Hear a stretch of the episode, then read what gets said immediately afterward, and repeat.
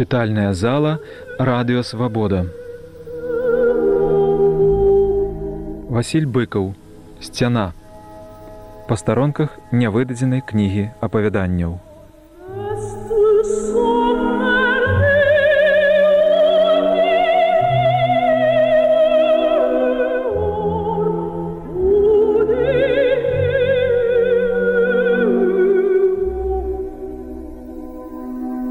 Жоўты пясочак фрагменты апавядання. Нагадаю сюжэт. Ноччу некалькі асобаў вывозяць укрытай машыне з турмы нкус мы працягваем знаёміцца з тымі хто асуджаны да вышэйшай меры пакарання.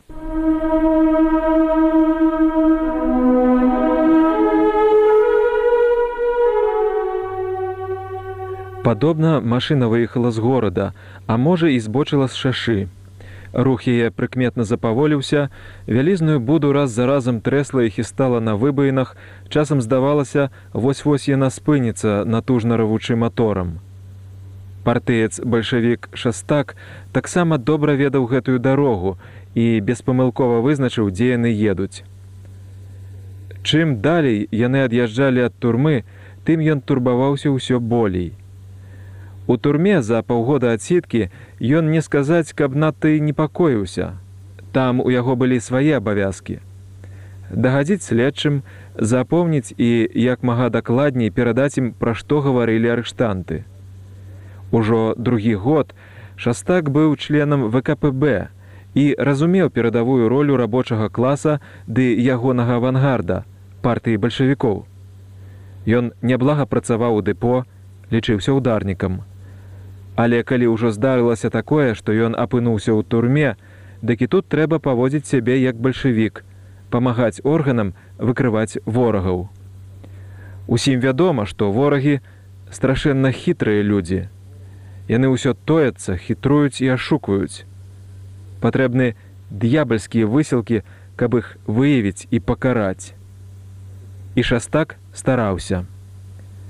Прыкідваўся дурнем, распытваў, слухаў і запамінаў, часам даваў парады, як гэтаму аднаасобніку казлу. Збянтэжанаму і скатаванаму на першых допытах параіў яму прызнацца ва ўсім і падпісаць, што патрабуюць следчыя. Маўляў, тады дадуць меней, а то і пусцяць дамоў.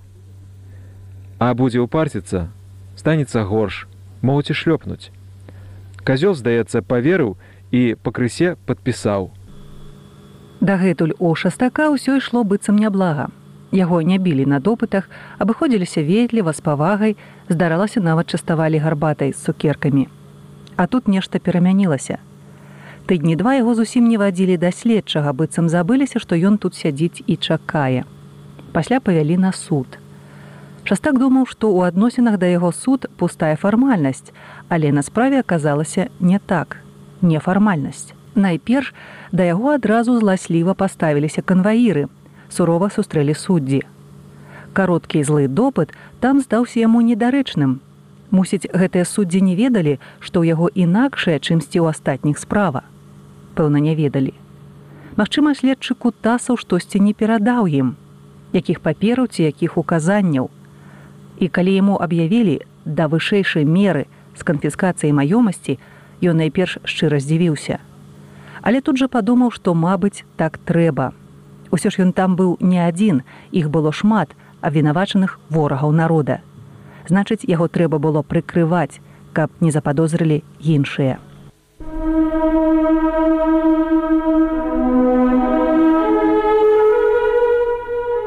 Пасля дзён колькі ён цярпліва чакаў у камеры ды марна тады пачаў патрабаваць следчага таго ж кутасава Аднойчы, калі ён дужа затрывожаны грукаву дзверы, увайшлі два наглядчыкі і пачалі яго біць. Тады ён адчуў выразна, што ягоная справа дрэнь. Але ўсё роўна не хацелася верыць у кепскае. Чакаў, што нарэшце кутасаў яго пакліча і ўсё стане як трэба. А калі не кліча, то можа яго няма ў турме, можа з'ехаў куды ў камандзіроўку, у Маскву. Не мог жа ён забыцца, што У турме амерыканцы яго чакае верны памагаты органаў партыец шастак. Ён выглядаў следчага ўначы на падворку, якіх вывелі для пасадкі ў машыну, але следчага не было і тут. Бы скрозь зямлю праваліўся. Тады шастак пачаў думаць, што, мабыць, той з'явіцца перад самым расстрэлам і ў апошні момант адлучыць яго ад іншых.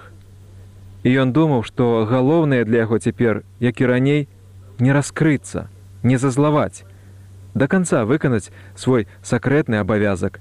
Тады ўсё будзе добра. Павінна быць добра.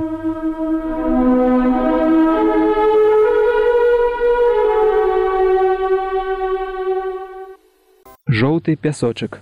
Фрагменты апавядання. Нагадваем сюжэт.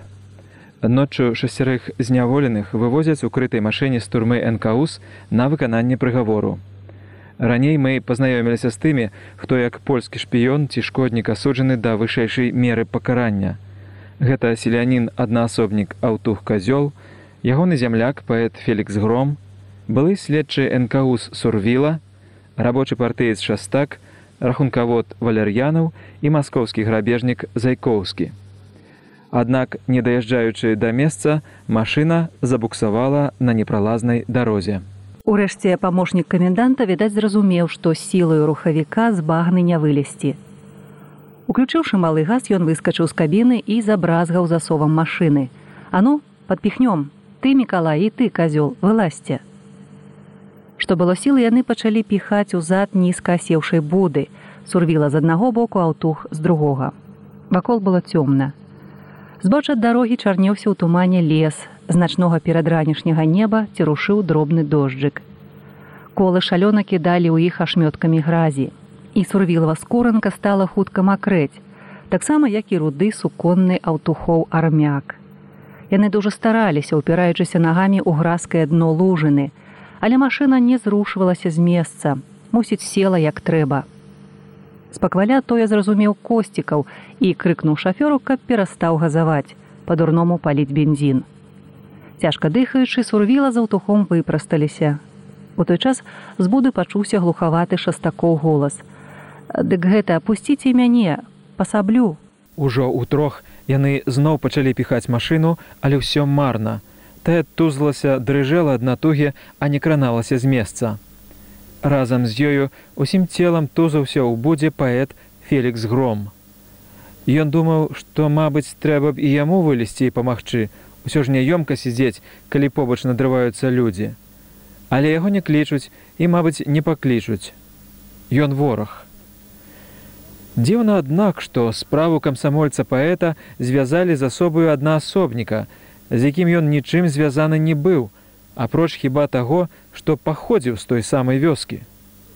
Фелікс гром быў ужо заўважаны ў літаратуры, а казёл аўтух з прычыны свае малапісьменнасці наўрад ці чытаў нават газеты, але во звязалі абодвух.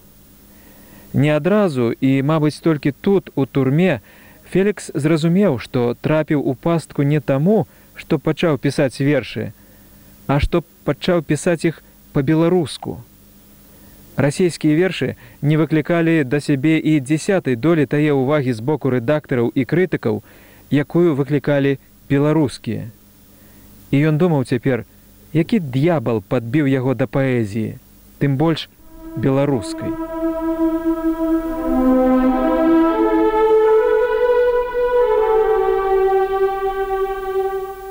А ну давай усе, усе вылазь маці вашу за нагу і піхаць дружна усе разам закамандаваў памочнік каменданта з напускной аднак злосцю. Менавіта такая яго злосць не палохала і не абражала. І фелікс падумаў што можа гэты чэкіст і не такі ўжо благі чалавек. За два месяцы турмы допытаў і катаванняў ён натрываўся рознага і ўжо думаў што сярод іх няма ніводнага людскага чалавека адны звяры. А так хацелася хоць бы пры канцы сустрэць чалавека з дабрынёю душы які б паставіўся да небаракі калі не з разуменнем, дык хоць з маленькаю да яго спагадай. Усё ж ён быў чалавек, хоць і паэт, і вораг прысуджаны да вышэйшай меры пакарання. Фелікс гром скочыў у цемру адразу ледзьве не да каленяў трапіўшы ў каламутную багну дарогі. Аднак астатнія двое за ім не паспяшаліся, і пам каменданта косцікаў зноў перайшоў на свой звыклы з'едлівы крык. Ну вы доўга чакаць маць вашу раз так, А скулля табе пачулася з буды. Гэта спакойна азваўся грабежнік зайкоўскі. Я прыгавораны, мне не паложана штурхаць машыну. Як гэта не паложана, апешыў косцікаў. А так, крымінальны кодекс РСФСР статця 127 прым чытаў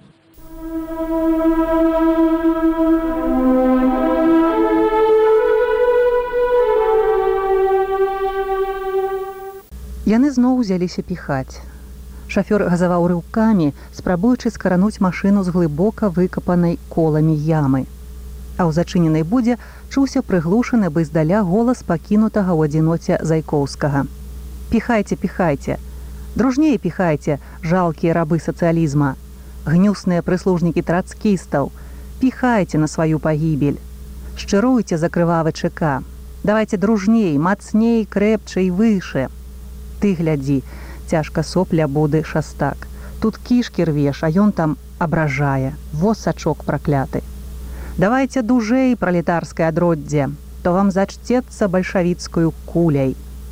Замаўчы я загадваю замаўчаць буду страляць гразіўся косцікаў тупаючы на ўзбочыне ля машыны. Аднак асуджаны зайкоўскі не сунімаўся і яшчэ крычаў штось нядобрае і абразлівае тады сурвіла першая дарваўся ад вугла буды і параю дый страляні ты яму ў ягоную глотку дакуль слухаць будзем лічу да трох і выпускаю всю абойму выпускай калі казёнай машыны не жалка неслася з буды Аднак не паспеў косцікаў пачаць свой адлік, як матор дужа стрэльнуў выхлапам і заглух. З-пад машыны напаследак пыхнула сінім дымком, зрабілася дужа ціха. Што такое? Знерухоміў косцікаў. Усё! Бензін скончыўся, таварыш памкаманданта. Глуха азваўся з кабіны шафёр. Косцікаў вылаяўся. Усе стаялі моўчкі, быццам расчараваныя, або шуканыя чымсьці. Сапраўды, гэтак стараліся, столькі патрацілі высілкаў і ўсё марна. І зноў прыйдзецца пачаць спачатку. Так, пасля нядоўгай маўклівай паўзы вызначыў косцікаў. Шафёр, давай дую гараж, хай прысылаюць бензіну. Малады баец шафёр зморана патрухаў па дарозе ў горад. Асуджаная, паволі выбраліся з гразі на сушэйшую ўзбочыну.